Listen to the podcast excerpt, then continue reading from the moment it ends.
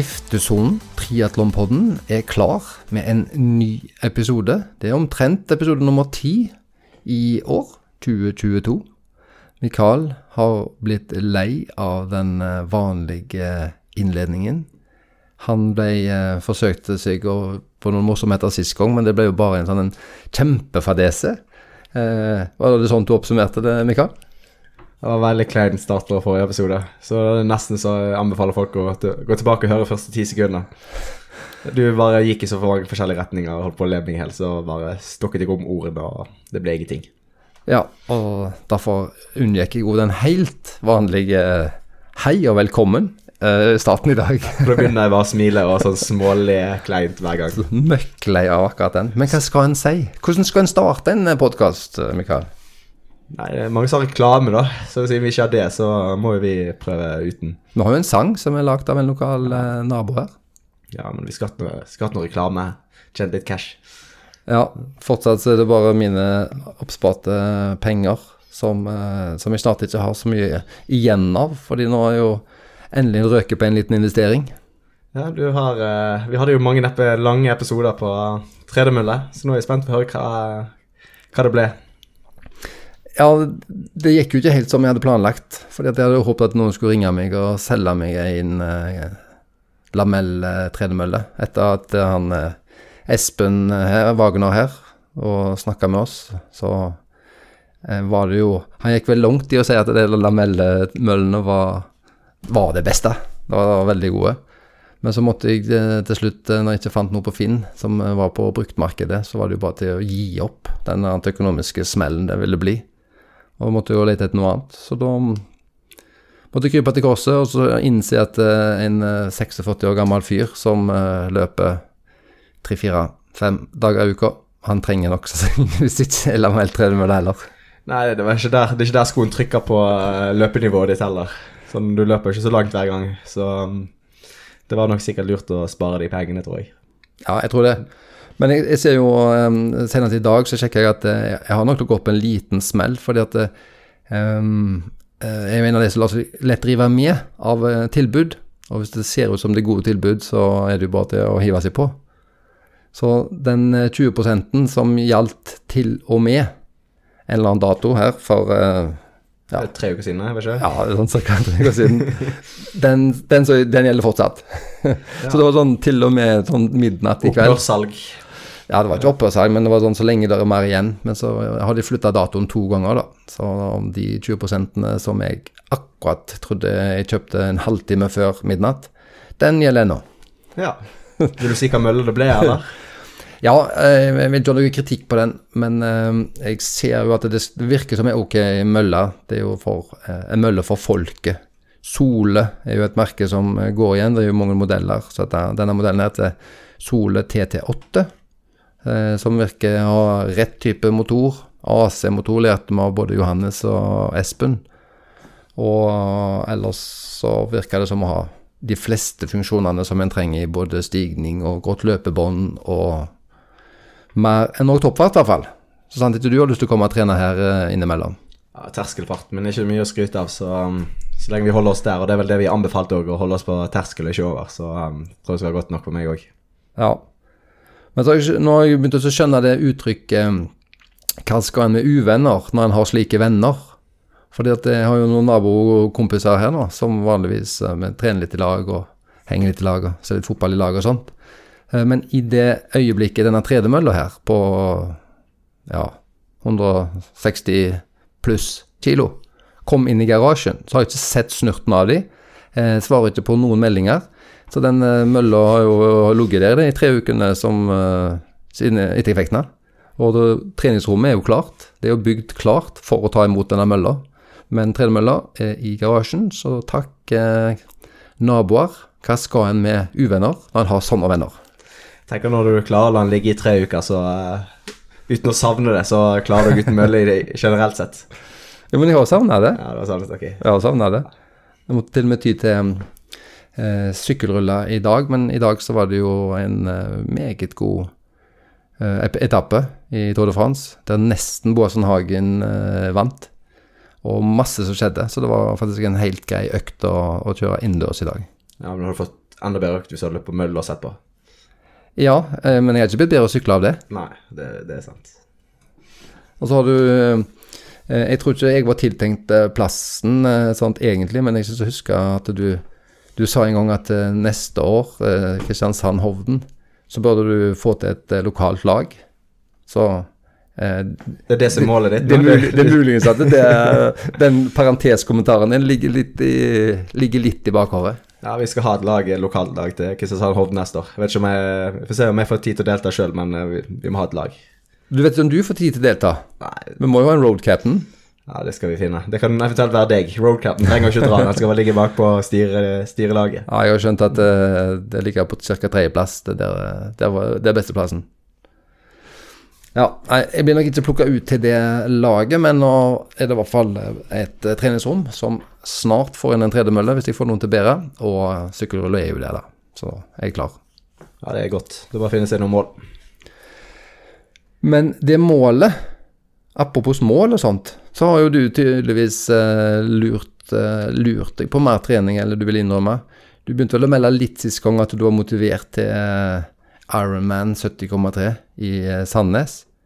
Men jeg vet ikke så mange du overraska jeg, men du du overraska nå for så vidt eh, meg, selv om du begynte å melde litt til han eh, Christian Grue at nå var du klar og skulle komme og ta han, men jeg tror ikke du trodde på det sjøl, og jeg trodde i hvert fall ikke på det.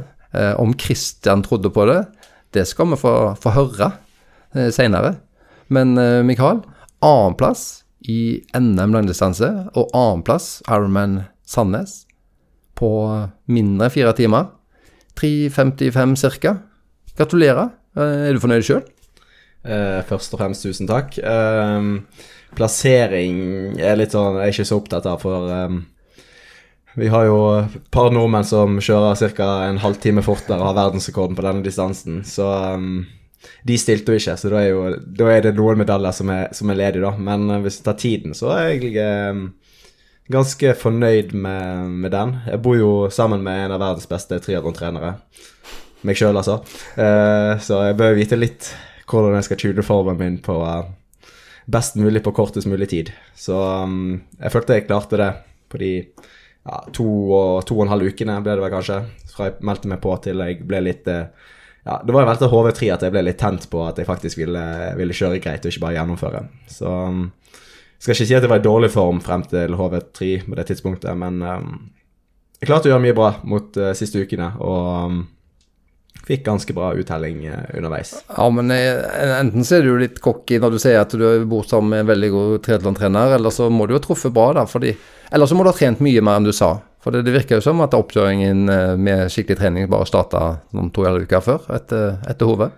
Ehm, mm, det var ikke så mye trening sånn volummessig, men veldig spesifikt. Så jeg trente veldig mye på ca. samme intensitet som jeg skulle kjøre på konkurransedagen. Uh, og fikk samlet en del eh, timer der, så da um, Det er jo på en måte en fart og en intensitet kroppen er litt vant med, så man blir ganske fort Fort eh, effektiv igjen der. Så um, det gikk vel egentlig fortere enn jeg hadde forventet at det skulle gå gå så bra. Jeg kjørte vel litt høyere watt enn jeg hadde trodd jeg skulle klare, så um, Men eh, ja, det var positivt. Du sa jo en gang at uh, hvis du trener litt lite, så kan du overprestere i konkurranse. Så dette var kanskje et nytt eksempel av det?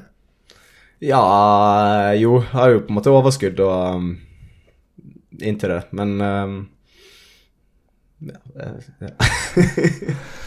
Nei, men eh, Hvordan var opplevelsen da? Altså Arrangementet Vi var jo glad for oss å endelig få et uh, Ironman-arrangement tilbake. Det har vært noen år uten, og det var veldig kjekt at, de, eh, at Ironman kom tilbake. Nå var det i eh, Sandnes, og forhåpentligvis blir det videre i Sandnes. Men eh, hvis du både tar og oppsummerer både arrangementet og dine opplevelser eh, underveis, hvordan var det? Um, jeg syns det var bra til å være førsteåret, hvis man kan si det på den måten. Um, og de har vel mål om å, om å fortsette. Det ble jo en god del færre påmeldte enn det som på en måte skulle til for å gå i null, da. Uh, så det var jo, det jo synd. Um, men jeg håper at de holder eh, motet, og de hadde en veldig god start i år. Eh, det er en veldig, veldig veldig fint sted å ha et sånt arrangement. Det er kort vei til flyplass, det er godt med hotell. Eh, egentlig bare generelt praktisk sted å ha det. Så fasilitetene ligger jo absolutt til rette for, et, for å videreføre dette til å bli et skikkelig skikkelig godt arrangement. Men altså, det er jo mye, mye som kanskje man ikke tenker på når man skal arrangere, eller man kommer på i siste liten når alt er nytt og, og sånne ting. Skal jeg ikke si at det bærte preg av det, men uh, det er jo en del små ting som kan forbedres. Så um, uh, jeg tror det blir veldig, veldig, veldig bra til neste år, og så syns jeg det var veldig bra i år. Hva var det så typisk eh, mangla? Hvis vi da ser for deg din egen eh, svømmetappe nå, eh, og jeg forsto det sånn at det var eliteutøverne. De fikk starta først, og ellers og etterpå var det rolling start blant de age-gruppene. Det virka som det fungerte greit. Ja, starten og svømmingen var det ingen, ingen problemer med. De hadde jo litt utfordringer før altså inn mot løpet hvor de skulle få lov til å ha svømmeløypen pga. litt skittent eller ja, forurenset vann. da. Uh, men heldigvis fikk de lov til å ha det ganske langt inne mot uh, skiftesonen der den skal stå. Uh, så det var en veldig fin start å ha svømmingen. Ingenting å utsette på den. Kanskje hatt en litt større stige, litt mindre bratt til neste år. det, var, det var nesten så løp rett opp. Eh, så svømming var ingenting å satte på. Skiftesoneplassering der, helt topp. Um, det var en god del strøm, da, da kan du si det, på svømmingen i år. Uh, strøm eller bølger, da, så gikk jo kjempelett ut. Jeg hadde sånn lepp på klokken, og den sa jo at jeg svømte 45 sekunder fortere på 500 meter enn jeg gjorde på trening. Da tenkte jeg yes, dette er helt topp. Så snur jeg, da. Så lepper jo aldri klokken. Det tar jo evigheter å nå 500 meter, og da blir det nesten ni minutter. Så det var jo det var godt med strøm, for å si det, å si det mildt, fra liksom 1,20-fart ut til å bli nesten sånn 1,50-fart eh, tilbake igjen. Så jeg tror, jeg tror, det drepte en Ikke drepte, men eh, ødelagte for en del folk. Eh, det var en del som faktisk ikke klarte å cutte off en på søm.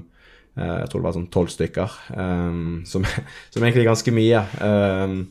Så hvis du svømmer liksom så seint at strømmen går like fort som deg, så kommer du deg aldri tilbake igjen, dessverre. Men det er jo ikke noe man kan forutse. Um, Sykkelløypen var, uh, var, bra. Jeg, var, hørte et par stykker som syklet feil i ett kryss, um, men jeg hadde aldri noe problem med å finne fram. Uh, og det var godt merket. Gode drikkestasjoner. Eh, kanskje de drikkefolkene var litt hissige på å gå ut i veien, da, for de ville jo gi, gi, flasker, så de gikk bare lenger og lenger ut i veien, men det ble bare smalere og smalere vei, så det var litt artig. Um, ja, og sykkeletappen ja. gikk vel for ditt vedkommende og veldig bra. Lurer på om du hadde raskest, eh, raskest tid på sykkel, kan det stemme? Det kan godt stemme. Jeg har ikke sett over alle tidene, men um, jeg hadde vel 42,6 eller noe sånt så det er på sykkeletappen. Så det er ganske greit. Ja, det er ganske greit. Ja.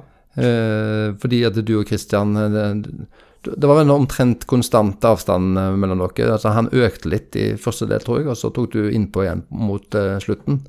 Så uh, muligens at du sykla litt raskere helt på slutten? Ja, jeg så jo aldri Jeg så vel aldri Christian før jeg begynte å løpe. Um, jeg trodde egentlig jeg var, hadde to eller tre stykk for meg ut på sykkel. Um, men så så jeg én ganske kjapt, så jeg tok han igjen, han italieneren som kom på tredjeplass. Um, prøvde egentlig å åpne litt rolig, for jeg syns det er så lett å trø veldig høy watt etter svømming.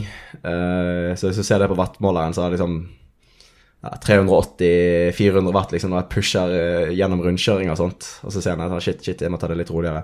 Så prøvde jeg å åpne litt rolig. Det var jo ikke så veldig tunge forhold. Det går liksom jevnt oppover, så det er lett å trø, trø ganske hardt. Prøvde bare å finne rytmen.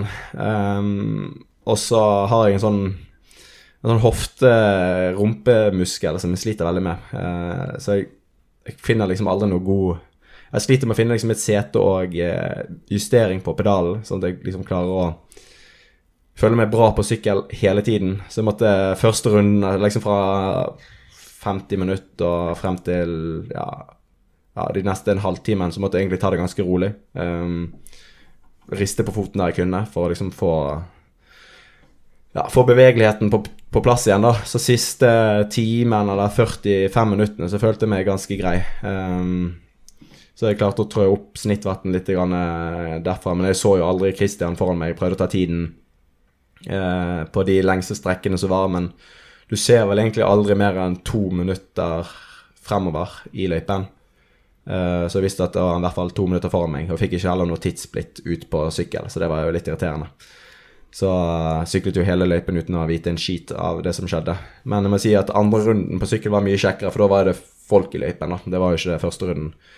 Uh, så tok jeg igjen en del av age-grouperne og fikk hilst på de, de som er kjente og sånt. Uh, og så var det å trø på tilbake til byen. Da var jo det bra med medvind, så det var jo, var jo deilig. Var vel ja, brøt vel fartsgrensen et par ganger. jeg tror opp i 72 i 40-sonen et sted. Uh, og um, par og ja, nesten 70 i en 50-sone der det er en sånn fartsboks, men den uh, slo ikke ut. Så det syns jeg vel, det var litt kjedelig. Um, ja, så sykkel var, uh, var bra. Um, hadde jo håpet på at jeg skulle sykle fortere enn Christian. Um, syklet jo litt mer dagen før, og da følte jeg at jeg trilte litt bedre enn han. Men han har sikkert uh, kjørt med litt mindre luft i dekkene på treningen og skrudd opp eh, barsene på, um, på, konkurransen. Men um, ja, det er vanskelig å si hvor bra jeg sykler i forhold til hva som er bra da, um, på dette nivået. Men han syklet nå ca. like godt som meg, så det var vel uh, good. Um, Men vet du noe om hvordan Kristian sykler i forhold til disse andre guttene? Han trener jo f.eks. med han uh, Jørgen Gundersen, som hadde med oss eh, sist gang, som hun har kjørt. Vi skal komme inn på han senere, men eh, er de f.eks. jevne, eller er Jørgen bedre, eller Christian best, tror du det? Eh, Jørgen kjører jo mest kortdistanse, så det er litt vanskelig å sammenligne med, med Jørgen på den. Um, og så liksom i dag var det, eller på konkurransen så var det veldig mye vind.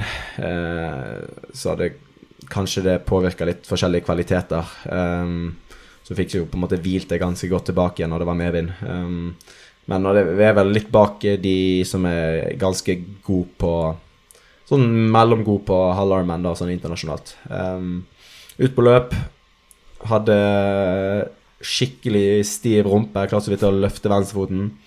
Uh, så det var ganske seigt første 8-10 km. Um, det som kanskje kunne vært bedre, å brukt Altså det mye, brukte mye sperrebånd, da, for det er ganske mange sånne åpne plasser. Uh, men jeg vet ikke Det som de skulle gjort, var å fått merket asfalten med, med, med, spray, men det er ikke sikkert at de har fått lov til det, da. Uh, for det er en god del lettere å liksom, vite hvor du skal hvis man merker asfalten istedenfor piler og, og sperrebånd. Så har det liksom i tillegg. Uh, men ellers var det, ikke noe, det var ikke noe problem med å finne fram. Og det var jo folk, folk overalt. Godt plasserte drikkestasjoner. Uh, ganske Jeg synes jeg likte løpeløypen. Han var mentalt ganske lett. Tre runder på syv kilometer er en sånn en fin mental, mental greie. Ett strekke som er frem og tilbake, så der får du vel sett løpere som er ca. Ja, fire minutter foran deg, så du får litt sånn oversikt i hvor du er i løypen òg. Um, ja, så hadde jeg en GPS-feil på løpingen. Irriterte meg skikkelig mye, for plutselig var sånn snittfarten min mye raskere. Uh, jeg tror det var Jeg har sett en del på Strava i det siste som har hatt det, så jeg tror det er noe Garmin slash GPS-feil uh, som har vært uh, de siste dagene. Um, så det var litt vanskelig å ha kontroll på hvor fort de egentlig løp. Uh, og hva egentlig sluttiden ble sånn fartsmessig, men jeg leppet bare når jeg så 10 km skilt, 15 km skilt og 20 km skilt. Så det var løp, Løpeløpen var nok litt kort. Eh, kanskje 20,5, noen mener 20,3, 20,4. Eh, så løpetiden er litt, eh, litt, hissig i forhold til det, da. Så Litt, litt bra? Eller? Ja, litt, eh, litt, ja, litt, bra, ja. ja så. Så muligens man må legge på kanskje to og et halvt eh, minutt på løpe, løpetiden da, for å få det ja, helt nøyaktig forhold til en halvmaraton, hvis man er interessert i det. Og sykkelløpet var vel kanskje tre minutter kort, men det er jo ikke, er ikke noe unikt eller unormalt at løypene er eh, litt grann eh, kort eller lang, da. Jeg er litt nerd forhold til tider og hadde jo laga sånn oppsummering, eller sånn eh, plan på, på, Strava før løpet hva jeg trodde jeg kom til å kjøre på, da. Så jeg traff vel ganske greit eh, hvis man tar vekk at løypene var eh, litt lang og litt kort. Men alt i alt, eh, da så du òg eh, fornøyd med både din prestasjon eh, og, og løypa. Og servicen, altså da var det kun egentlig eventuelt noen piler i, i veien som kunne vært gjort det enda litt lettere, da. Ja, det og så er det sånn, Jeg liker jo å ha målområdet ganske nærme skiftesonen. Nå var det sånn 100 meter forskjell, men da får man litt mer oversikt òg. Men det er ikke noe sånn Jeg syns det var bra plassert. Og så sånn som publikum, jeg hadde jo en kjempesverre og god heiagjeng med meg. Eh, så de fikk jo på en måte sett meg tre eller fire ganger per runde med å bare gå 100 meter. Eh, så fikk jo liksom heiing ja, jeg vet ikke hvor mange ganger det blir, jeg, men eh, ganske mange ganger i løpet av en halvmaraton. Så det er jo veldig, veldig kjekt at uh, løypene er konstruert sånn som det.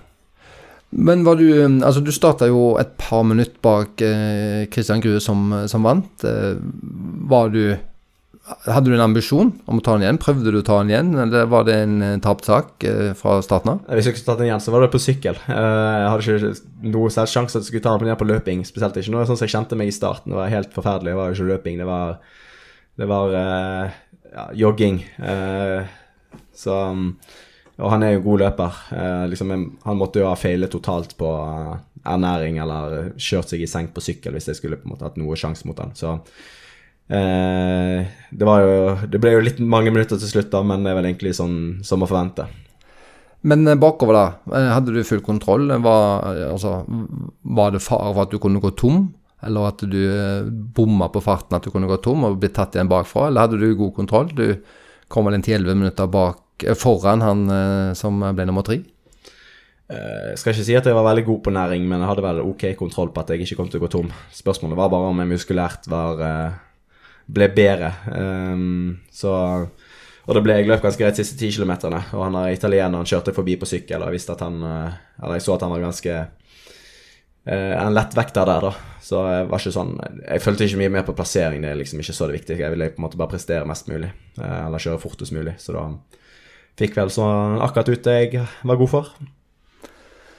Og da ble det andreplass både i Aids Group og i NM som jeg forstår er Det blir på en måte to forskjellige ting. Altså NM langdistanse ble arrangert, og så var det òg eh, en, eh, en vanlig Ironman, så du ble jo nummer to i din age group, forstår jeg, fordi at Christian Grue er samme alder.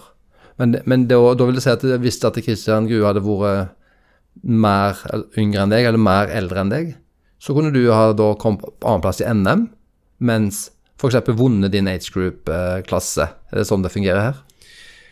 Eh, ja, hvis vi skal gå litt i detalj på dette, da, så er dette et age group-arrangement Ironman, men så har man òg fått lov til å arrangere NM samtidig. Eh, så som norsk deltaker eller NM-deltaker så kan du velge om du vil kjøre age group NM, eller om du vil kjøre elite NM. Så jeg valgte jo at jeg ville kjøre elite NM. Um, ehm, men så har du f.eks. Jan Morten Raa. Han er vel passert 40, tror jeg. Han eh, velger da å kjøre age-groupen sin, og kom, har vært tredje nordmann i mål, men han vinner da NM age group i sin aldersklasse, men vin, kommer ikke på tredjeplass i NM elite. Um, så, så, det er et valg du må ta, og eh, jeg tror det er før sesongen om du vil være eliteutøver eller om du vil være age group-utøver. Jeg kunne jo òg meldt meg på i min age group 25 til 30 på NM, eller 25 til, 30, 25 til 29 blir det vel. Og kom på å vunnet min age group, da. Men uh, det vil jeg ikke gjøre nå. Og så samme uh, Sånn som det var en italiener som kom på tredjeplass på konkurransen, så han får jo selvfølgelig også ikke NM-medalje, men han kom på tredjeplass i konkurransen og i sin age group da på dette arrangementet, siden han var samme age group som meg og Christian. Ja, så det vil si at er Christian Altså, han stilte jo selvfølgelig et O i NM Elite. Men uh, hadde han kjørt age group, er han samme age group som deg? Meg og Christian Grue er samme age group. Ja, så, det, så, du ville fortsatt kommet på annenplass om du hadde kjørt Nei, hvis du hadde kjørt age group, ja, så hadde du vunnet den fordi Christian kjørte Jeg kunne vunnet NM age group, men jeg hadde ikke vunnet Ironman sitt age group. Nei. Så det, for å si det sånn, oppsummering er vel at det blir lange premieutdelinger på dette greiene her. For det er mange eh, sånne fem, femårs age grupper. Både på NM og på Ironman. Så det var jo først NM, så var det Ironman, og så var det sånn eh, slått-greie til VM. Og da forsto du sånn at det var pga. den lange premieutdelingen, så var du bare med på NM, premieutdelingen, og så gikk du, og da hadde du tydeligvis ikke tatt noe plass til VM i Age Group. Stemmer det? Nei, jeg tok eh, ingen VM-plass. Um, jeg eh, har ikke så interesse av å være med på det ennå. Kanskje om noen år, men ikke, ikke, ikke nå. Ikke nå, nei. Nei, men Det var jo fint resultat. Eh, fin oppsummering. Eh, og så har vi vinneren, Christian Grue. Jeg så jo på Var det på Strava eller hvor det var, så meldte du litt i forkant. Jeg kom og tar deg. Jeg vet ikke om du mente det, og tro, tror du han var egentlig engstelig for uh, hva du kom, kom med i bakfra? Eh, folk har vel lært at uh, man må være litt forsiktig med meg, for du vet aldri hvor du, hvor du har meg. Men uh, jeg regner med han hadde grei kontroll på, på hvordan han skulle ta det. Jeg har aldri løpt så fort som han gjør. Ja, vi har, um Um, vi, har vi skal snakke med Kristian, men uh, han kunne ikke snakke før i, i morgen. Så det vil si at jeg skal jo spørre henne om dette her, og så kommer vi til å klippe det inn. Så eh, vi skal se om jeg får fyrt han opp med, med et eller annet. Men eh, før det skal vi eh, bare komme inn på noen eh, av de dameresultatene i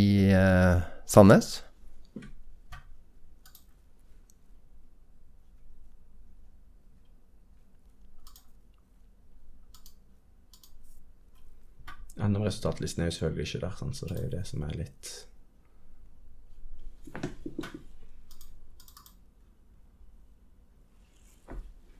Ja.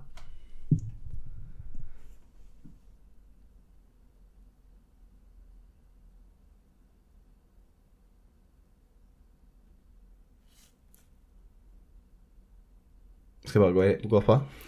Ja, i avslutningen var okay. Skal vi da gå inn på eh, eh, NM-resultatene for kvinner i Sandnes?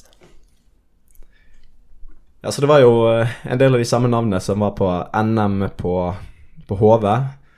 Um, og det var vel et eh, ganske spennende løp. Jeg fikk jo ikke med meg eh, alt sjøl siden jeg var i, var i løypen og prioriterte å hoppe i dusjen etterpå, for det var litt, litt småkjølig. Um, men til slutt så var det Kaja som, eh, som vant. Jeg syns faktisk Sverre skal få lov til å ta, ta hele navnet. Jeg er ikke så eh, Ja, jeg, jeg, jeg, jeg vet. Eh, Jeg vet ikke om vi bruker alle navnene engang, men Kaja Wright Bergwitz Larsen og Bergwitz Larsen, men eh, bindestrek imellom. Ja, det, det var godt oppsummert. Dårlig syn og dyslektiker, så det er jeg, jeg tar ikke de der. Um, og på andreplass ble det Kristina Starheim. Hun ble vel da nummer to på, på HV. Um, hun var vel da to minutter bak. Uh, nei, tre minutter bak Kaja.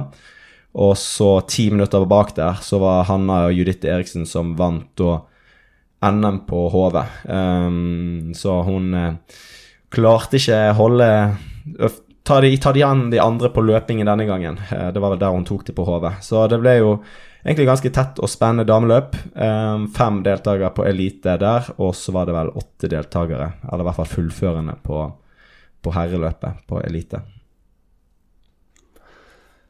Kjempefint. eh, Og i og med at denne premieutdelingen på NM ble så lang på Age Group, så tror jeg ikke vi trenger å gå gjennom alle de ulike Age Group-resultatene heller. Da tenker jeg at de får stille på NM Elite neste år heller, så skal de bli tatt med.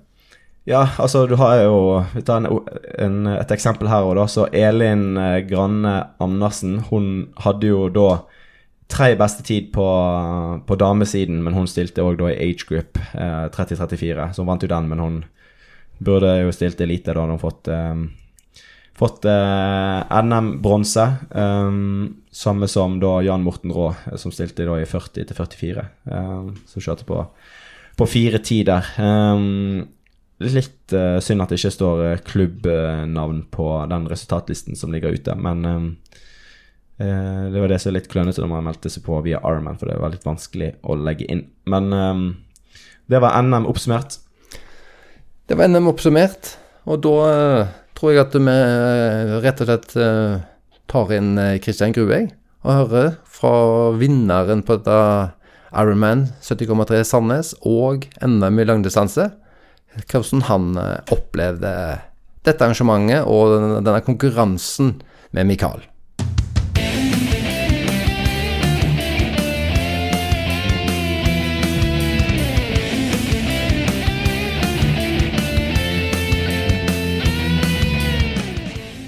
Ja, Kristian eh, Grue, gratulerer med kjempeinnsats på Ironman Sandnes og NM langdistanse.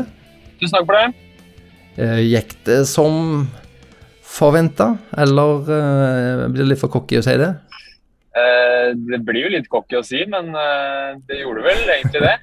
Jeg hadde jo Jeg var vel Stilte vel som største favoritten. Og visste jo at Mikael var den tøffeste konkurrenten. Eh, men at jeg burde være sterkere på både svøm og løp. Og så var jeg usikker på hvor sterk Mikael var på sykkel, om han var bedre enn meg, eller om vi var veldig jevne der.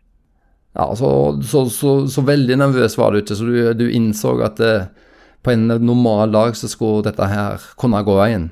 Ja, jeg gjorde, jeg gjorde egentlig det. Jeg følte meg ganske trygg på formen, spesielt på sykkel. Og så hadde jeg fått noen gode svar eh, siste uka på løpinga.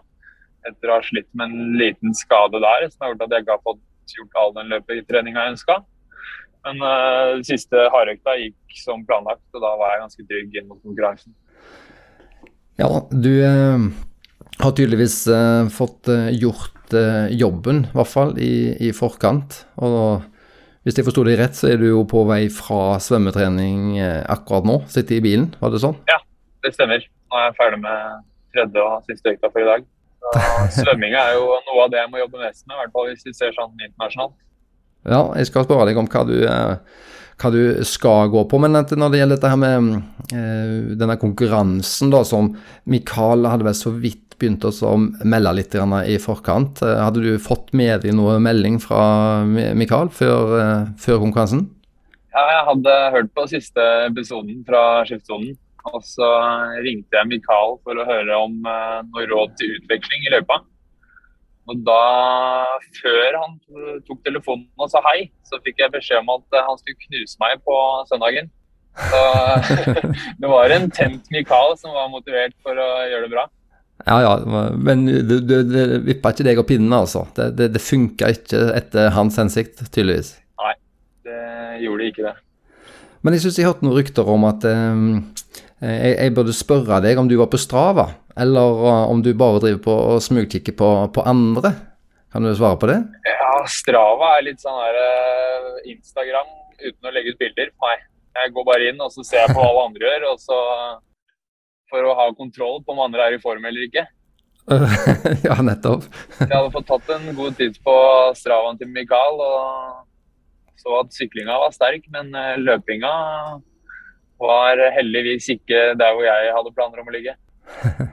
så du hadde vært smugkikka uten å på en måte legge ut eh, kall det bilder sjøl, altså uten å, å, melde noe sjøl på, på staven? Ja, jeg må, jeg må innrømme det.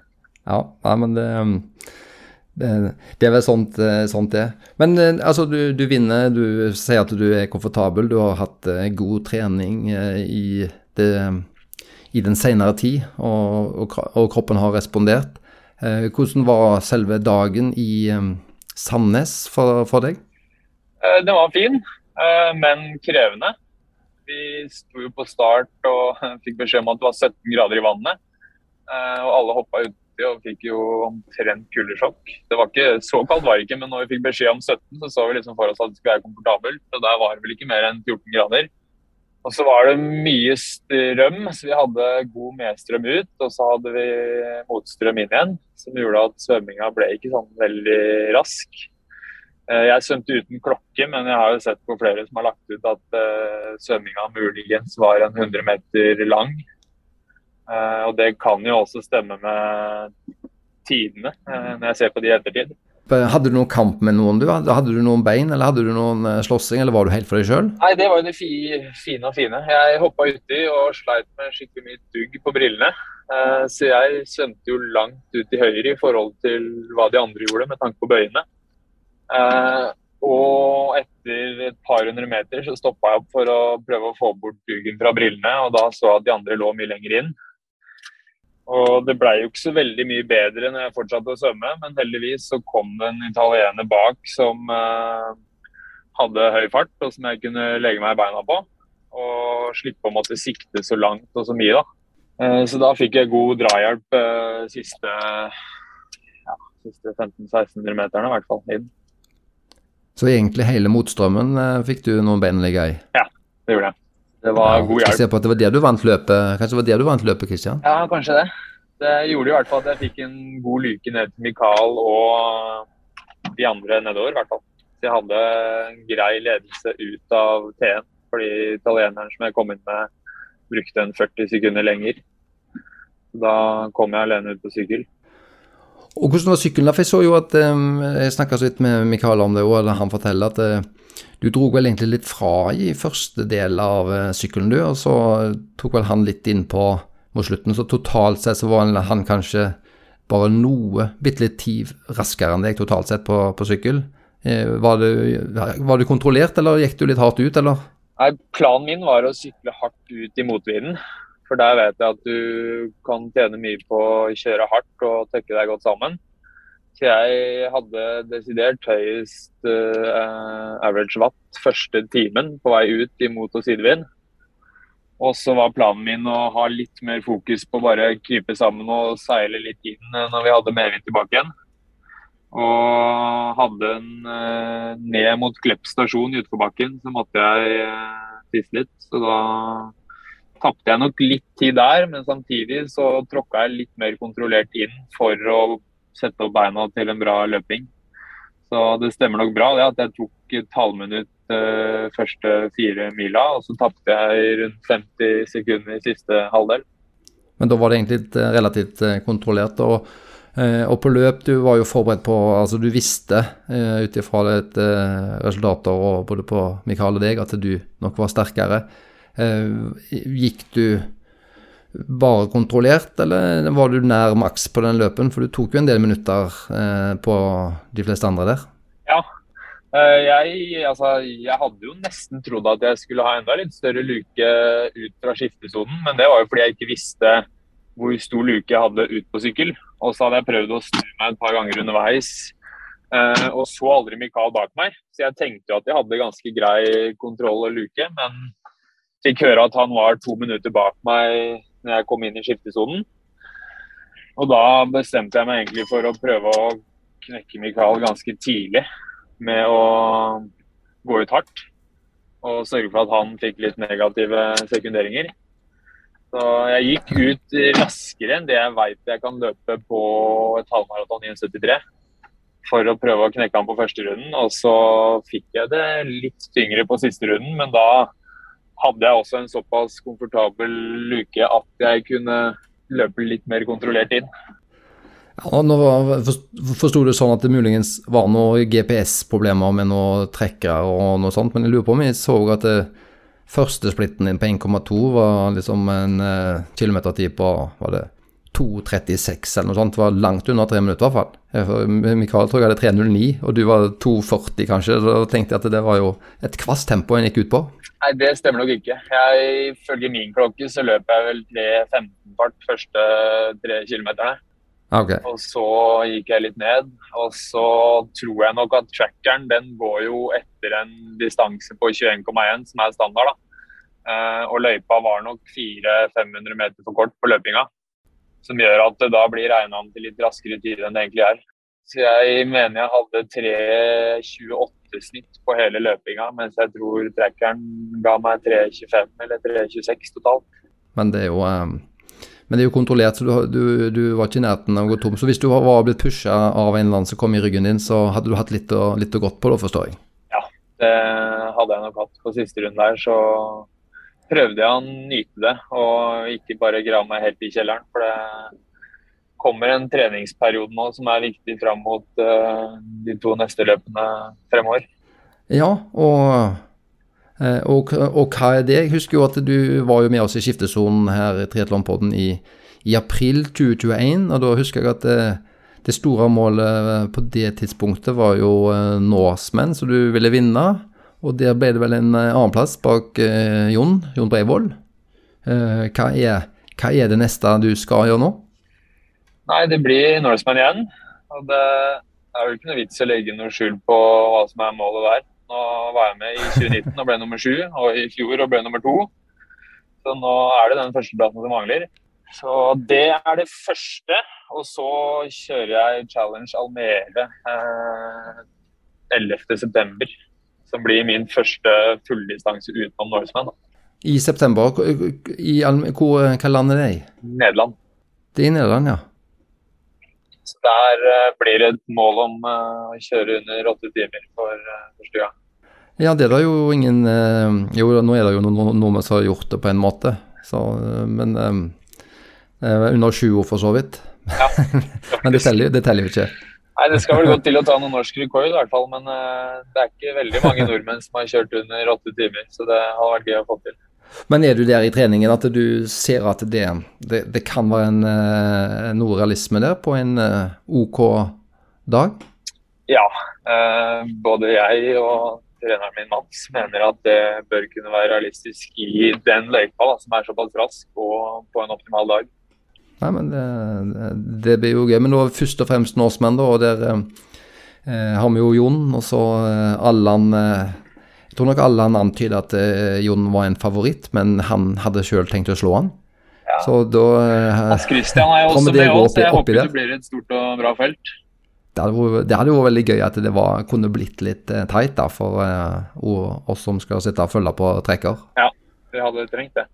Og så er jeg spent på, Jeg har Ja. hørt at det kommer noen gode svensker, og så står jo faktisk Tim Dom på lista. Men om han eh, stiller i det hele tatt, er jeg litt mer usikker på. Hvordan blir det med det, Kristian? Eh, Tok du imot noen sånn eh, plass til noe age group-VM du slått på i Ironman, eller lot du bare de plassene gå til noen andre folk?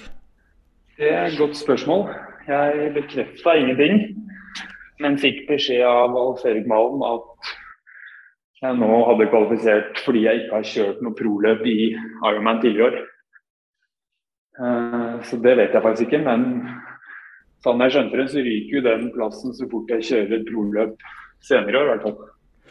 Jo, men var det, er det sånn at du, eh, hvis du kjører pro i challenge, men ikke tar pro-lisens i Ironman, at det er to forskjellige ting? Eller er du enten pro, eller så er du ikke pro? Vet du noe om det? Nei, sånn jeg skjønte det, så er det to forskjellige ting. Jeg syns jo det er litt Ja. merkelig. Jeg mener at det burde være altså Har du løst prolisens i et forbund, så bør det gjelde alt, egentlig. Så jeg tenkte Ja. jo at jeg stilte som deltaker i NM Elite og hadde på en måte ingenting med Ironman eh, å gjøre, på en måte. Men i praksis så vant du vel age-gruppen, da, fordi at du Jeg lurer på om Mikael snakka om noe sånt, at du var jo ikke Du hadde ikke kjørt noe pro eller løst noe profflisens for Ironman, Nei. og dermed så kunne du òg vinne AIDS-gruppen Ja, det stemmer. Jeg har eh, kun kjørt challenge eh, i 2022. Men det, altså kan det være aktuelt, eller vil det uansett ikke passe inn i planene? Fordi det er vel i så fall aids-gruppen øh, VM som går i Finland neste år, forstår jeg. Det er jo ikke For proffen går jo i St. George i år, mens dette var da visstnok for age-group så var det slåtta som gikk til Finland, eh, age-group VM neste år. Så vet ikke i hvilken grad du tenker det er aktuelt. Det er nok ikke aktuelt. Eh, planen min er jo å kvalifisere til Finland neste år, men i broklassen. Og Ja. da er jeg nødt til å kjøre noen løp eh, enten sent på året i år eller før kvaliken går ut neste år. Ja. Fordi at det var vel eh, det, det var vel det Jon prøvde vel nå eh, å, å kvalifisere når han var og kjørte i, i Andorra. Eh, Prøvde vel han å, å kvalifisere til St. George, og det lurer på om det var Jeg mener jo at Andorra var eh, en av de siste for å kvale til St. George. Så da har han jo noe bedre tid. Da har han jo et lite år til for eventuelt eh, VM, altså pro, eh, pro da, i, eh, i 2023. Ja. Men nå høres det ut som eh, du bekrefter masseambisjon. Eh, du kjører eh, Norseman, og du tenker at du er kanskje førsteplass på ballen. Og du eh, kjører den eh, challengen eh, i Nederland, din første fulldistanse, hvor målet er òg en eh, VM Ironman eh, neste år, da. Hvis jeg forstår det rett. Det stemmer. Ja, Da står du inne for alle ambisjonene du hadde til i den praten vi hadde i 2021 i april. Eh, Bortsett fra at du ikke vant Norseman, så har du holdt ganske mye. Du har gitt gass, du har satsa. Og Mikael han vippa deg ikke av pinnen, selv om at han eh, meldte litt. Men ga du deg litt grann motivasjon? Ja, det gjorde det absolutt. Og så er det jo gøy å se at uh, jeg ennå har til gode å prestere i konkurranse, men likevel klarer å slå Mikael, som alltid Ja. overpresterer. Det tyder jo på at det er litt forskjell her. Men det må jo være litt irriterende å bli pusha litt av en som eh, på en måte trener 14 dager før konkurranse. Så han trener 14 dager i året, sier han. Liksom det, det er to siste ukene før konkurranse. Og så likevel så pusher han det litt. Ja, det tyder jo bare eller sier jo bare litt om hvor lettvendt Mikael er. Og hvor irriterende lettvendt. Men uh, jeg tror han uh, legger litt lokk på hvor mye han faktisk trener. Det er lite systematisk, er det nok. Men uh, når han er i høyden og følger gutta, så tror jeg det blir litt timer. Han, blir nok, han har nok noe puls noen dager. Han er i hvert fall ikke i dårlig form, det er det ingen tvil om. Var, eh, jeg var imponert over eh, løpet hans, og spesielt den syklinga. Ja, det var, det var jeg òg. Det, det, var veldig gøy å se. Og, og at, han ser, at, han trives med den rollen. Altså, han trives som triatlonmosjonist. Ja, det var gøy å se. Ja. Ja, men Kristian, Det var veldig gøy å få høre om eh, dine opplevelser, og eh, at du eh, leverer, at du er motivert. Har du lyst til å stikke noe i Mikael helt, helt til slutt? Jeg har ikke noe sånn på sparket, men jeg håper han stiller opp igjen neste år, og at vi får en ny fight. Og at han kanskje kommer enda litt bedre forberedt, så at det kanskje kan bli litt jevnt. Den, den er grei. Sist gang så avslutta du med en vits som uh, knuste Christian Blumenfeld sin uh, vits. Uh, klarer du å trylle opp en sånn nå på slutten, eller? Nei, den har jeg ikke forberedt i dag, så den må jeg melde pass på, dessverre. ja, men helt i orden. Vi gleder oss til å se videre det du får til, det du leverer. Og så takker for at du tok en liten prat med oss. Så lykke til videre. Takk for det, og takk for praten.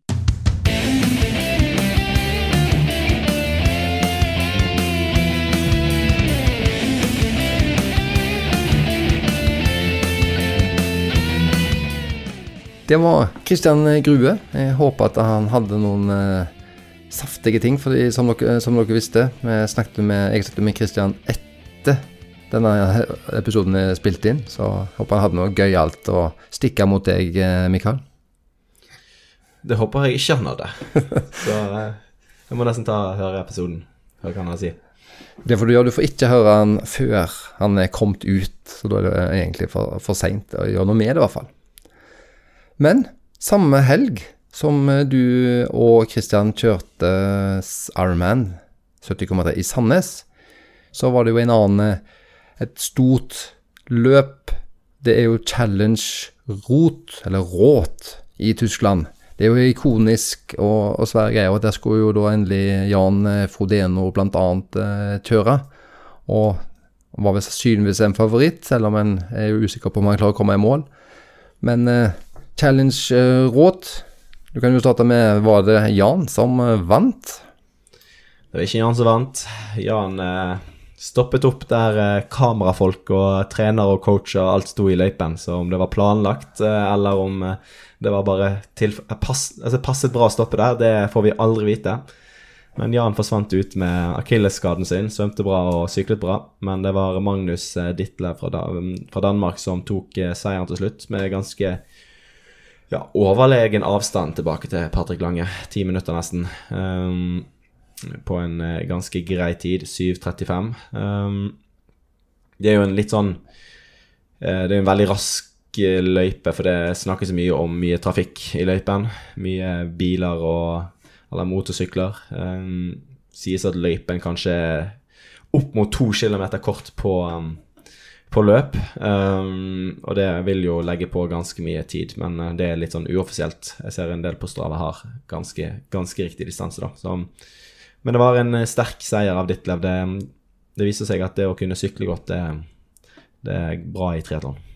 Ja, men det var jo så enormt. Og vi har jo sett han uh, sykle før, og kanskje han har vært litt for hot på grøten. At han har gitt for mye, for han har jo sprukket litt på, på løp. Men uh, sykler jo da faktisk talt uh, et kvarter omtrent raskere enn uh, Patrick Lange, som må er vel en ja, ja, habil syklist. Han er i hvert fall en veldig habil triatlet.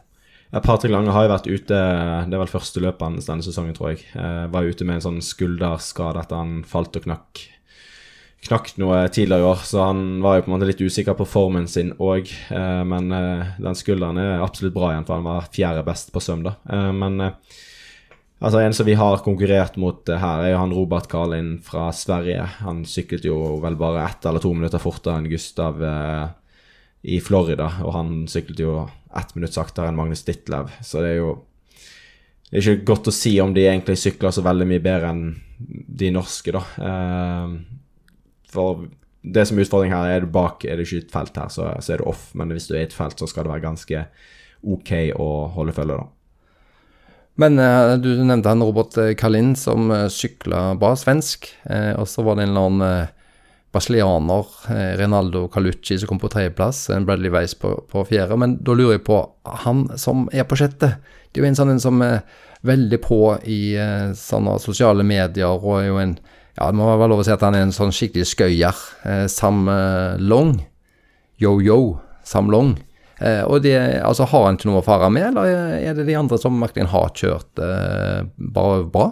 Jeg tror Sam Long trener eh, for dårlig for å kjøre langdistanse, nå ser det ut som. Eh, Fulldistanse triatlon. Trener greit for halvdistanse, men får ikke helt den spesifisiteten inn forhold til fulldistanse. Så kjørte han en halvarm altså da helgen før igjen, og da um, Det å kjøre en halvdistanse helgen før en fulldistanse, jeg vet ikke om det det er, det smarteste han har gjort. Nei, det må vel gå tom for krefter eh, der òg. Vi vet jo at det er mange nordmenn som eh,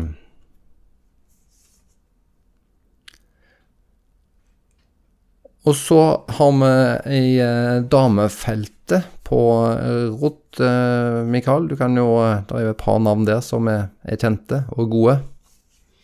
Ja, i hvert fall én, og det er jo Anne Haag. Hun eh, kom seg til slutt eh, først i løypen. Hun um, tapte jo ganske mye tid på svømmingen til, til, de beste, og det er Fenella Langridge som tok av hardt på svøm der.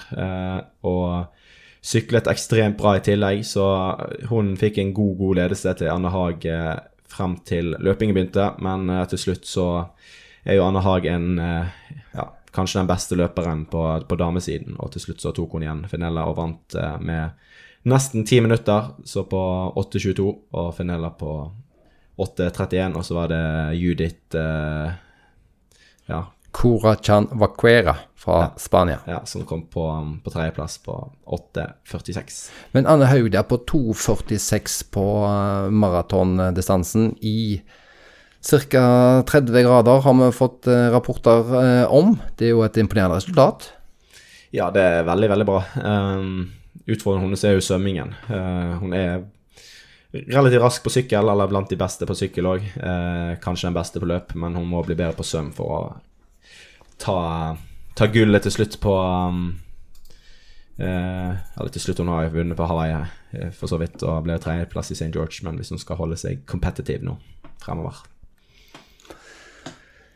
Det var herre, toppherrer, og det var toppdamer. Og så har vi jo eh, en, det, jo, det, er jo mange nordmenn som reiser ned til Challenge Road rett og slett fordi at det er så ikonisk. En snakker om at dette er, er løpet være med på.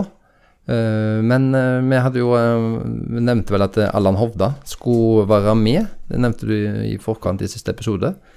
Og han kom på 19.-plass. Tenkte vi at det var et OK resultat? Det er litt vanskelig å bedømme det. Han var jo ganske langt bak i tid. Um, men ja, Allan er jo en, en som er i arbeid og har, har barn og ja, om han går all in. Det blir vel eh, eh Det gjør han ikke, men eh, det er jo ganske greit resultat. Men eh, han har jo løpt fortere tidligere, da, så eh, han hadde nok kunne spart 15-20 minutter der, og da hadde det vært sett litt penere ut. Ja, vi tenkte i hvert fall at vi skulle ringe til Allan og gratulere han med 19.-plassen. Men om han var helt fornøyd med det, det skal du få høre sjøl, for vi tok opp uh, denne praten vi hadde med han, og der uh, hører du hva han syns om sin opplevelse av Challenge Rot.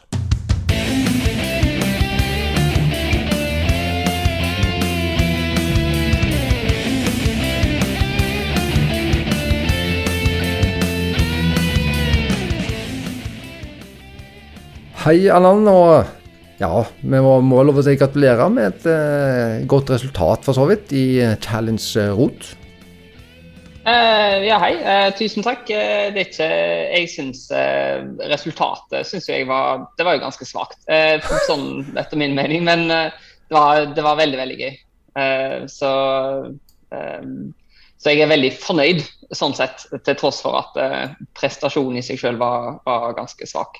Ja, den svake prestasjonen, det var jo da ifølge deg en eh, Altså ifølge deg, det er jo en eh, 19.-plass i et uh, ikonisk løp, må det være lov å, å, å si. Fulldistanse. Uh, og hvordan var opplevelsen da, i denne, i denne type ikonisk løp? Nei, jeg har jo aldri vært med på rått før. Eh, og har jo hatt det som en sånn bucketlist-løp. og så ble det sånn i konkurranten, så jeg meldte meg jo på borderline seint. Eh, så det var så vidt jeg fikk plass og, eh, og sånn. Men det gikk jo helt fint. Um, eh, og i to, 2019 så var det første året eh, de hadde non-wetsuit swim. Altså det eneste året det var non-wetsuit swim på på da 18 år. Eh, så jeg tenkte ikke noe mer over det. Eh, så viste det seg jo da kanskje tre dager før konkurransen, da når vi hadde pre-race briefing, at det, det var jo 23,7 grader. Så 1,7 grader eh, høyere temperatur enn det vi har lov til å ha våtdrakt i. Så det var jo eh, ganske skuffende for min del, for da taper jeg fort sånn 6-7 minutter eh, med, å, med, å, svømme uten våtdrakt. Mm. Um, og så værmeldingene ble bare eh, verre og verre, eller bedre og bedre, alt etter hvem, hva preferanser man har. Så det var en veldig, eh, veldig varm eh, dag. Vi hadde vel opp i 30 grader på løpingen, tror jeg, og ikke ei sky hele dagen. Um, så det var det som på en måte prega min konkurranse mest mulig, eller i, i stor grad. da, at uh, at det var veldig varmt. Men eh, jeg svømte jo sånn eh, passe dårlig, eh, som jeg kanskje forventa. Men jeg kom iallfall opp med nesten, kom nesten opp med noen. Så jeg brukte ni minutter på å sykle meg opp med de, og det var ei gruppe som sykla helt OK. Eh, så jeg kjente et par av de, og så måtte jeg eh, tenkte jeg skulle ligge bak den første runden av de to. Eh, men det holdt ca. 45 minutter før jeg måtte, tenkte jeg måtte prøve å sprenge de som ikke egentlig hadde hadde sykkelstyrken til å kjøre. da. For det er ikke vits å dra dem med på rundt eh, 118 km. Så det gikk jo ganske bra, så da fikk vi opp farten litt. Eh, og så jobba greit sammen og var helt, helt OK. Men Allan, jeg ser jo at du, du er jo liksom ni minutter bak eh, han som vant hele løpet, Magnus Ditte fra, fra Danmark. Og hvis at du antyder at eh, eh swimsuiten din eh, ville hente seks-sju minutter, begynner det jo å bli uh, uh, Ja, altså ikke sånn han henter ja, på svømming. På svømming. Ja, ja, ikke på sykling. Nei, nei. Nei, Han henter jo uh, minutter, men jeg, ikke, jeg bare taper så mye. Fordi jeg har jo sånn standardisert svømmerute der utenfor der jeg bor. Så jeg hadde jeg passa på 41 minutter på 3200 meter sist, og så svømte jeg med swimskint, og da brukte jeg 48. Så det var jo bare veldig uh, skuffende akkurat det der. Så sånn. Nei, nei, men eh, det er ikke Jeg, jeg mener jo selv jeg kan svømme på 51 minutter på en vanlig Ironman-svøm, eller sånn. Jeg har gjort det. Men sykkelen, er jo, men sykkelen er jo imponerende. At, uh, vi ser jo at uh, vi har jo bare forholdt oss til resultatlister og, og satt og fulgte det sendingen for så vidt. Det, det, det første var det stort sett vi får se. Men sånn som Patrick Lange som kom på andreplass, tysker som er veldig kjent navn eh, sykle fem-seks eh, minutter raskere enn deg. Kun, tenker jeg. Men du er kanskje ja, ikke imponert over det heller, du? Mm, nei, altså, nei, altså, syklingen det var, helt, var helt grei. Eh, 258 watt normalisert. Eh, så det er 14 mindre enn en pers. Og jeg hadde det er egentlig tenkt å gå høyere, men det er på en måte, jeg merka det veldig tidlig at det var sånn krampetendenser på framsida av låret som jeg har fått noe altså Hvis jeg sitter, så er det på en måte, kan jeg bare gå av sykkelen og spasere hjem. Eller ligge, eller vet ikke jeg. jeg så, så, jeg måtte på en måte være litt konservativ, egentlig. Ja. I tillegg så visste jeg det at hvis du kjører hardt på syklingen og blir, du får opp høy kjernetemperatur på, når du begynner på løp, så går den jo ikke ned. Men da tilbake til, eller videre til publikum og sånt. da, altså Når du da på sykkel med, Det er jo der med, det er vel sikkert derfor vi hører at denne her uh, challenge-rotet er er ikonisk, og det bør komme på en sånn bucketliste. Det er så god stemning og mye folk og, og liv. Eh, ble du ja, båren fram av dette her? Ja, absolutt. Jeg mener jo at uh, Challenge Rot er den beste klassiske fulldistansetriatlonen i verden, med god margin. Altså Det er mye kjekkere å være med der enn på Hawaii. Altså Det er, mye, det er veldig veldig mye bedre. Altså Jeg har ikke vært med på maken. Altså Det er en som, som bakkesmann sykler opp som heter Solar Hill, som er det er sikkert bare et par hundre meter, da, litt bratt. og Der har de bussa ut eh, 1000 folk, eller mer, som står sånn i en Tour de France og motbakke og heier og det brølet du får på en måte med å For du, bare, du sykler bare én og én rekke, så du ser liksom massen bare gå, åpne seg så vidt når du sykler. Så du er redd å sykle på noen, da, men det er jo helt vanvittig trøkk. Og så På løpingen har de jo sånne ølbiergarden rundt om i byen som du løper forbi, og det er bare så himla god stemning. at det er ikke det er ikke aldri vært med på maken. Det er liksom det Ironman Haugesund på det beste, eh, egentlig, som har vært nærmest. Men altså, det er ikke Altså, ja, det er en kai på, indre kai på Haugesund. Den er kanskje nærmeste opplevelsen, egentlig. Ja, altså Oppsummert da, så er arrangementet var helt, helt rått, og rått, faktisk. Det var en dobbel betydning. Det var helt rått å, å, å være med ja. på liksom, uten samstilling. Mens faktisk, når jeg da gratulerte med 19.-plass, så er du egentlig ikke fornøyd med egen innsats.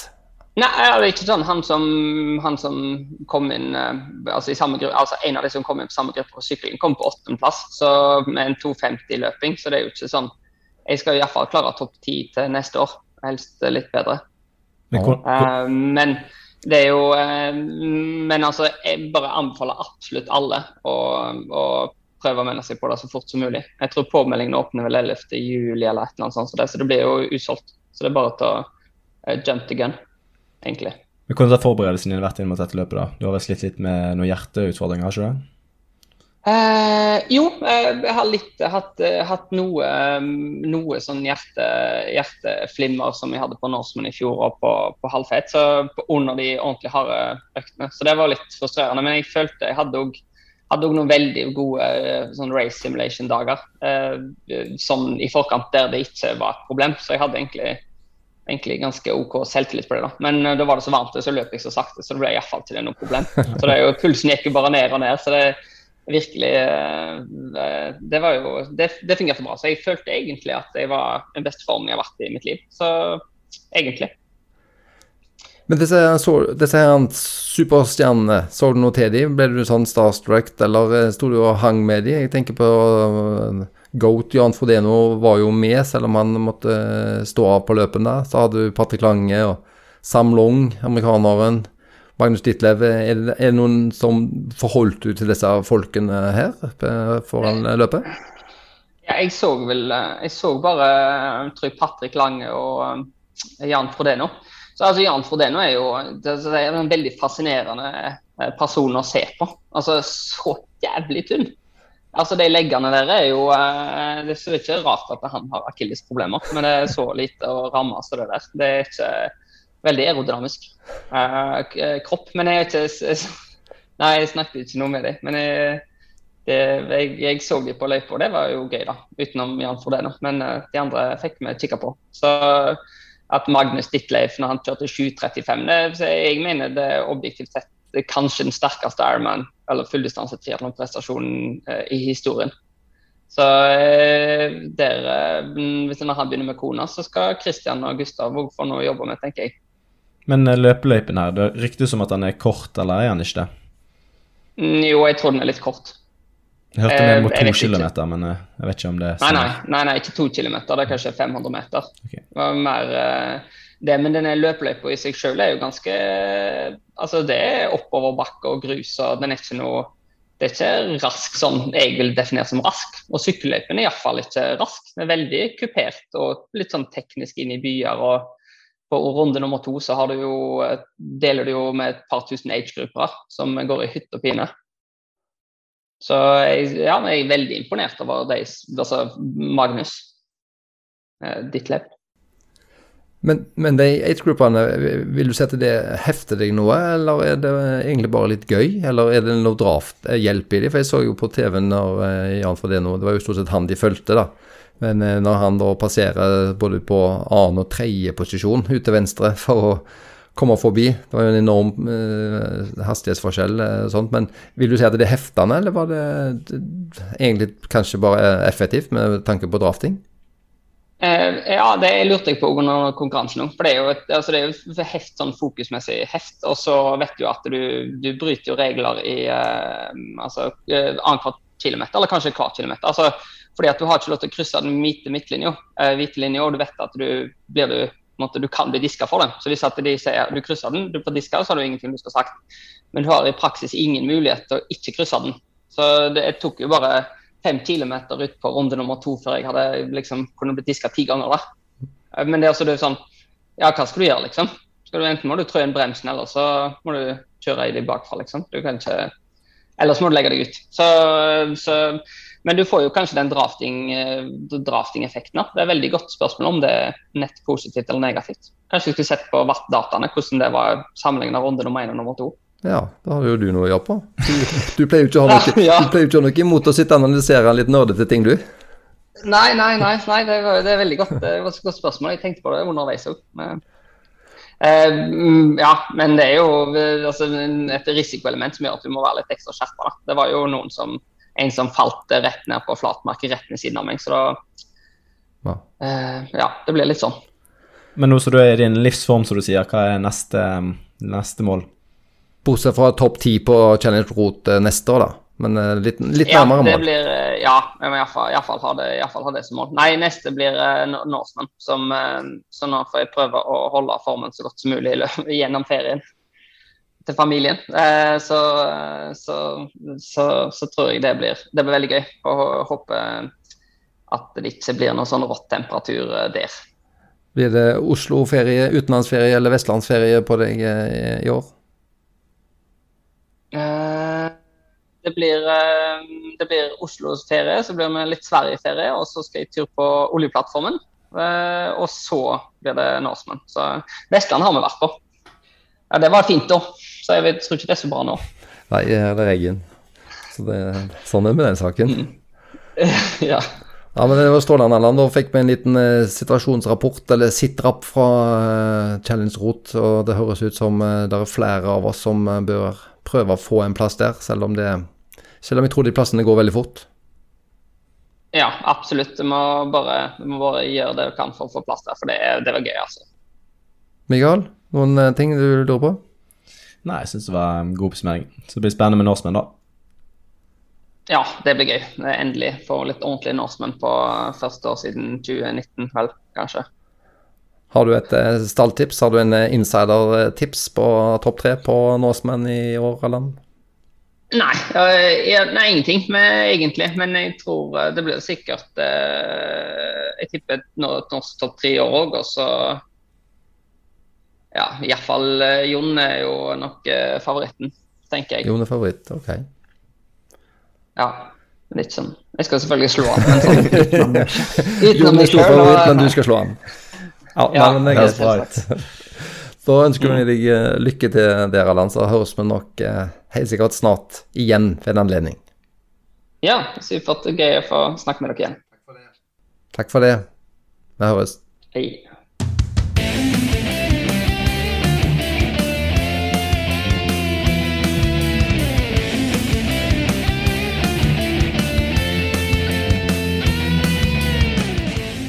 Da hørte du at eh, Allan Hovda var egentlig sånn kun middels fornøyd med egen innsats, men eh, var veldig imponert over Magnus Ditlev sitt eh, løp på den tiden og på, i den temperaturen. Så da, han var jo veldig imponert over Ditlev, faktisk. Ja, eh, sa vel før, før intervjuet kom ut at eh, det er litt sånn andre rammer i dette løpet som gjør at eh, jeg vet ikke om jeg er så imponert. Det var bra, men om det er den beste prestasjonen ever, det er jeg litt usikker på. Ja, men det trenger ikke verken du eller meg eller noen å avgjøre, da. God prestasjon var det i hvert fall. Trenger ikke, men vi kan. Du, det var vel noen på landslaget som var, var, var VM, eh, junior-VM, og var i Montreux, Montreal, Montreux i eh, Canada. Det var vel World Series for eh, voksne der, og VM junior eh, for en to-tre uker siden. Og um, i World Series så var det vel eh, Lotte fikk en 18.-plass i sitt løp. Ja, det var jo litt eh, rare omstendigheter da vannkvaliteten ble for dårlig på fredagen til å svømme i. Så det ble gjort om til duatlon, og det er vel få nordmenn som er kjent for å være gode i duatlon. Um, så da røk de fleste ut av kvalifiseringen, dessverre.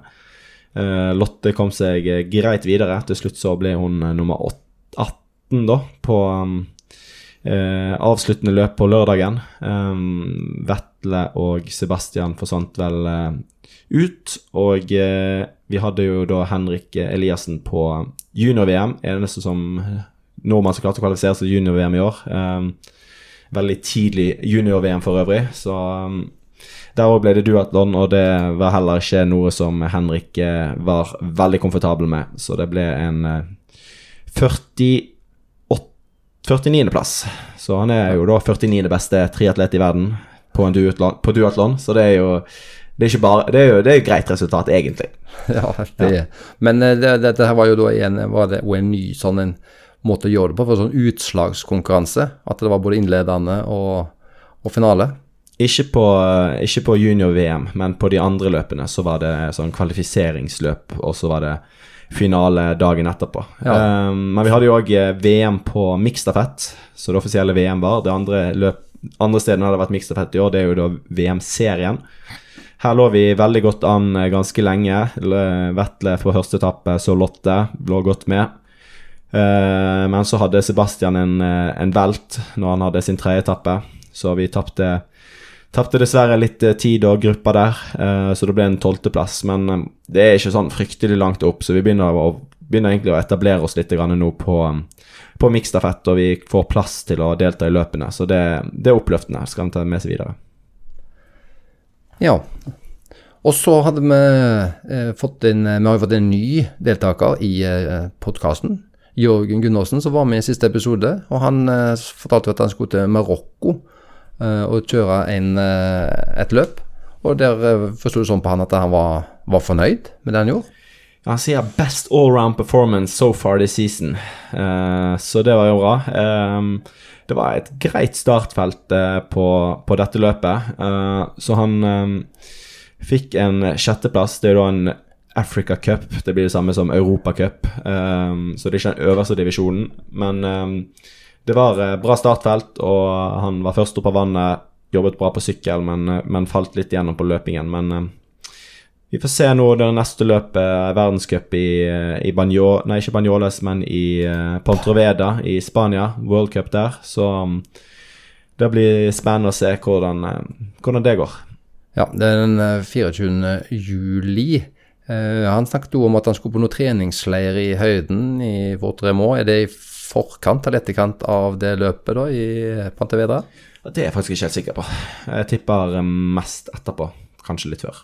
Ja, kanskje at han skal bare gå ned? opp og ned. Opp og ja. ned. Ja. Det var den 24. juli, eh, og eh, det er vel òg samme helg, eller samme dag, som den PTO Tour Canadian Open skal kjøre. Der snakket vi jo om at både Christian og Gustav skal kjøre, men det er jo et vanvittig eh, felt i store navn, som eh, de fleste har hørt om, tror jeg. Ja, vi har vel vært litt uh, inne på dette løpet allerede. Eh, så basically, hvis vi kan bruke litt engelske ord, så skal alle de beste være med, utenom uh, Jan Fordeno.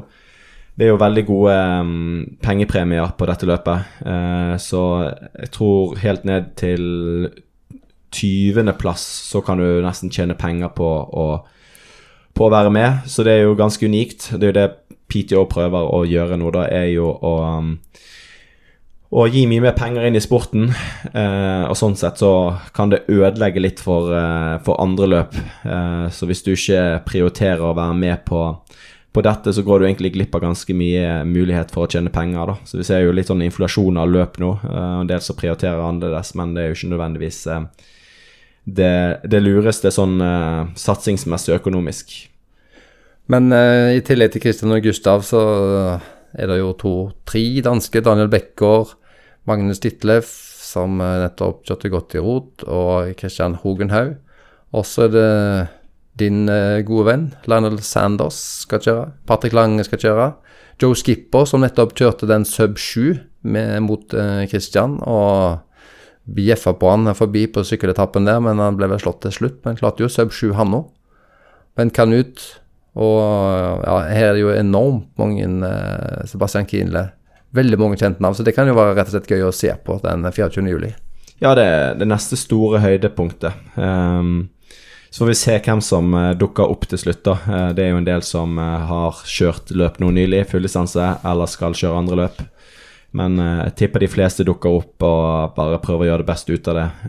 som sagt, får du topp 20, så får du, får du, cash, så det er verdt det, selv om, selv om det ikke er din beste prestasjon. Og Apropos Lennel Sanders som kjører der, han er med på litt av hvert. han kjørte vel du følger ekstra med på han. Han er nettopp en 70,3-distanse eh, eh, her eh, ja, for to-tre uker siden. Jo, det var samme helg som det var v, altså den uh, mikstafett-VM og løpet i Montreal. Så i Mont Tremblant i, i Canada så var han oppe og kjørte litt. Ville teste hvordan kroppen var etter uh, litt høydetrening. Så det var, det var mest, mest, av alt et testløp, da. Men uh, Gikk vel ikke helt som planlagt da han hadde punktert på vei ut på sykkeletappen og tapte vel eh, to-tre minutter på å skaffe et nytt hjul fra service eh, motorsykkel, eh, men syklet styggfort. Veldig, veldig fort. Så det har vært litt interessant å se om det var, om det var flere gode med på startlisten, for da hadde vi hatt litt mer å måle mot. da. Men det var litt litt seig ut på løp, men jeg syns det var egentlig en veldig bra og oppløftende resultat. Viser at treningen eh, funker. Men i den uh, sykkeletappen, den uh, var det en 70,3-distanse? Altså 2,05, det er jo saktere enn du sykla det, Mikael? Ja, min sykling var jo litt kort, da. Men denne sykkeletappen er ganske kupert, den som var i Montrembo. Um, Men i praksis er dere ca. like gode sykler, da? Ja, altså ikke så langt bak på søm heller. Så han er jo bare syv minutter foran meg sånn totaltid, da. Så det er ikke, det er ikke bra. Uh, vi kan ta med på damesiden. Der var jo egentlig um, Flora Duffy skulle kjørt, men hun fikk aldri sykkelen sin. Uh, de søkte og søkte etter sykkel, men den kom aldri fram. Uh, det har vært masse problemer med reising, spesielt med Air Canada. Solveig Løvseth fikk jo ikke sykkelen sin heller til sitt løp og måtte låne sykkel. Uh, samme helg. Um, så Flora Duffy fikk uh, ikke kvalifisert seg til VM i St. George på halvdistansen. Og en uh, annen som heller ikke fett, fikk eh, kvalifisert seg til 70,3 VM i St. George. Det var den personen som alle mente på var favoritt til Norsemen i år. Jon Breivoll han reiste jo et par uker i forkant av Ironman Andorra for å kvalifisere seg, men endte vel opp på en sjuendeplass. Og det ga ikke en slått, ifølge deg? Nei, så vidt jeg vet, så fikk han ikke plass. De, um, de fleste foran han har jo ikke plass til VM på halvdistansen, så da ble det ikke noe roll down til Jon Breivoll her nå. Um, han sier jo sjøl at uh, uh, det var ca. like godt som i fjor, men han løp, uh, løp dårlig. Um, så hvis vi tar utgangspunkt i at løypene var akkurat like langt, så var det, var det akkurat ca. like godt. Så det var jo litt skuffende. Um, for Jon sin del. Han hadde jo nest beste sykkeltid, men um, han taper fortsatt litt for mye på, på svømmingen. og Om han tømte seg til løpet, eller om det var uh, andre omstendigheter, det vet jeg ikke. Men um, han får stå på. Han er bare seks minutter bak, så det er egentlig ikke så, så veldig mye. Men det var i hvert fall eh, nesten, og tydeligvis er han en av favorittene til Norsemen. Det er vel bare Allan som i hvert fall skulle, skulle, slå han, så får vi se hvordan, hvordan det går. Da vil du ha en wild shot der? Hvem som kommer først i mål på Norsemen? Nei, det, det, er litt for tidlig å si. Så Swissman, er det noe ehm, det er jo, I Sveits det er jo et sånn ekstrem eh, triatlon à la Norseman. Eh, og eh, Hans Christian har vi jo med Tungesvik har vi jo snakka med i podkasten før. Gikk på en eh, klink seier. Og eh, det, Vi har ikke fått verifisert det, men det var rykter om at det kanskje var en eh, ny løyperekord. Men når du kommer en time foran eh, nestemann, er det da imponerende, eller er det eh, ikke mange nok som satser mot dette løpet, vil du si? Nei, det er jo Dette blir dine ord, um, men um, det er vanskelig å si. Som jeg sa litt i sted, at det er jo inflasjon i, i antall løp rundt om i verden. Uh, og med covid-nedstengning så er jo det mange som kanskje har vært påmeldt i løpet og skal delta for det de meldte seg på for to år siden. Så det er ikke godt for meg å si hvor, hvor høyt nivået var på dette løpet i år, da. Men uh, hvis han er nærme løyperekorden nå, så må vel det si også være en, en, god start på Hans Christians sin nye karriere, der han for, ja, skal jobbe samtidig på siden av og, og satse litt idrett. Så, så jeg syns nå det var, det var bra. Det var i hvert fall en, et løp som Hans Christian brukte 11 timer og 19 minutter på. Så det er jo en eh, bra kraftanstrengelse uansett. Eh, han eh, som kommer nummer to, en lokal fyr fra Sveits, 12.20. Så da sier jo litt av det, i hvert fall en time. Men klart, det er jo store distanser òg. Ja, det er veldig lang, langt løp og lang tid.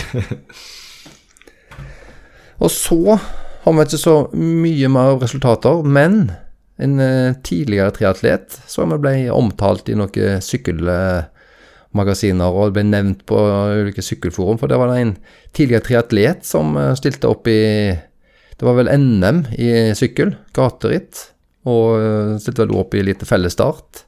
Erik eh, Nygaard Madsen, det er en som du har både trent og trent med. Har han gått helt over? altså Fikk en annenplass i Norgesmesterskapet i gateritt. Ritt kun slått av vel en sykkelproff?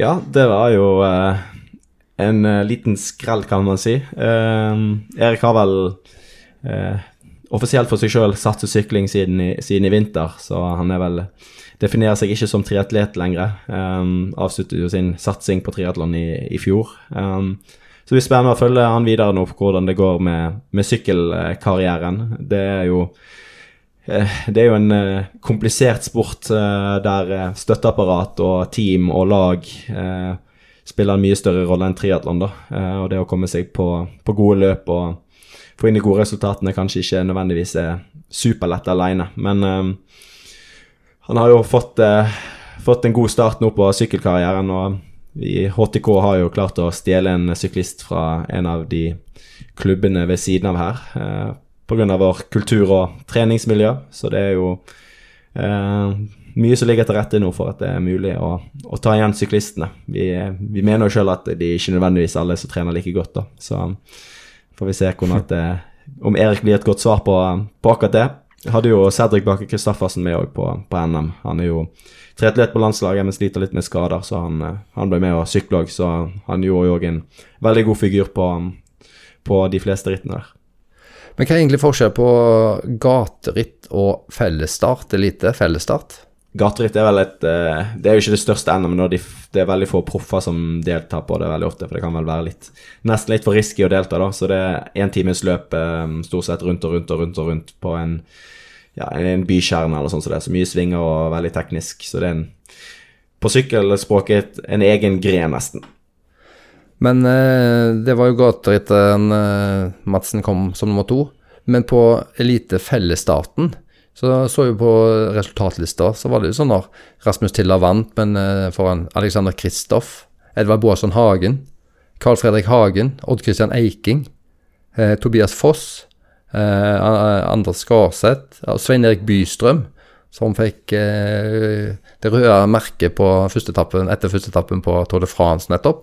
Og han kom plassen, altså Svein Erik Bystrøm, nå leste jeg opp de navnene som var foran Erik Madsen på, på fellesstarten òg, så og, og Svein Erik Bystrøm var som sagt bare plassen foran. Det er jo imponerende greier. Ja, det er en, eh, som du sa, god start på, på sykkelkarrieren. Um, så eh, det er bare å stå i det og, og, trene hardt og så stille på ritt og prøve og prøve og prøve. Det er tydeligvis eh, god treningsmoral i triatlonmiljøet. Det tror jeg vi kan være enige om. Mye god trening. Ja, det, det er det absolutt. Da var det en del resultater i dag. Vi har hørt om Mikael, som har kjørt Ironman Sandnes. Vi har eh, vært i Råd, og vi har hørt fra vinneren i Sandnes, Kristian eh, Grue, og litt eh, resultater. Nå er det nok litt sommerferietid, tenker jeg. Men du Mikael, hva, skal du på noe reise nå? På noe treningsleir eller noe sånt? Jeg skal til Fontromø på mandag. Um, så da blir jeg der i x antall uker. Vet ikke helt hvor lenge jeg skal være der ennå, men um, det er planen. Så det ser jeg frem til. Nå er det Da blir det klimaflyktning, føler jeg nesten. Nå kommer regnværet her, så det blir godt å, godt å komme seg vekk.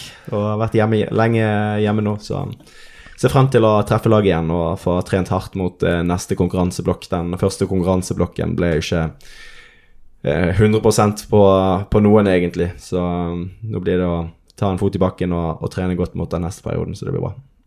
Det blir det. Og nå når vi har fått med Jørgen Gundersen i eh, triatlon, eller Skiftesonen triatlonpodden, og han nå skal ned og ha et eh, opphold der, så gikk dere vel langt i å antyde at det bør kunne bli en eller annen episode, om det er en eller roadtrip eller noe annet gøy der nede fra?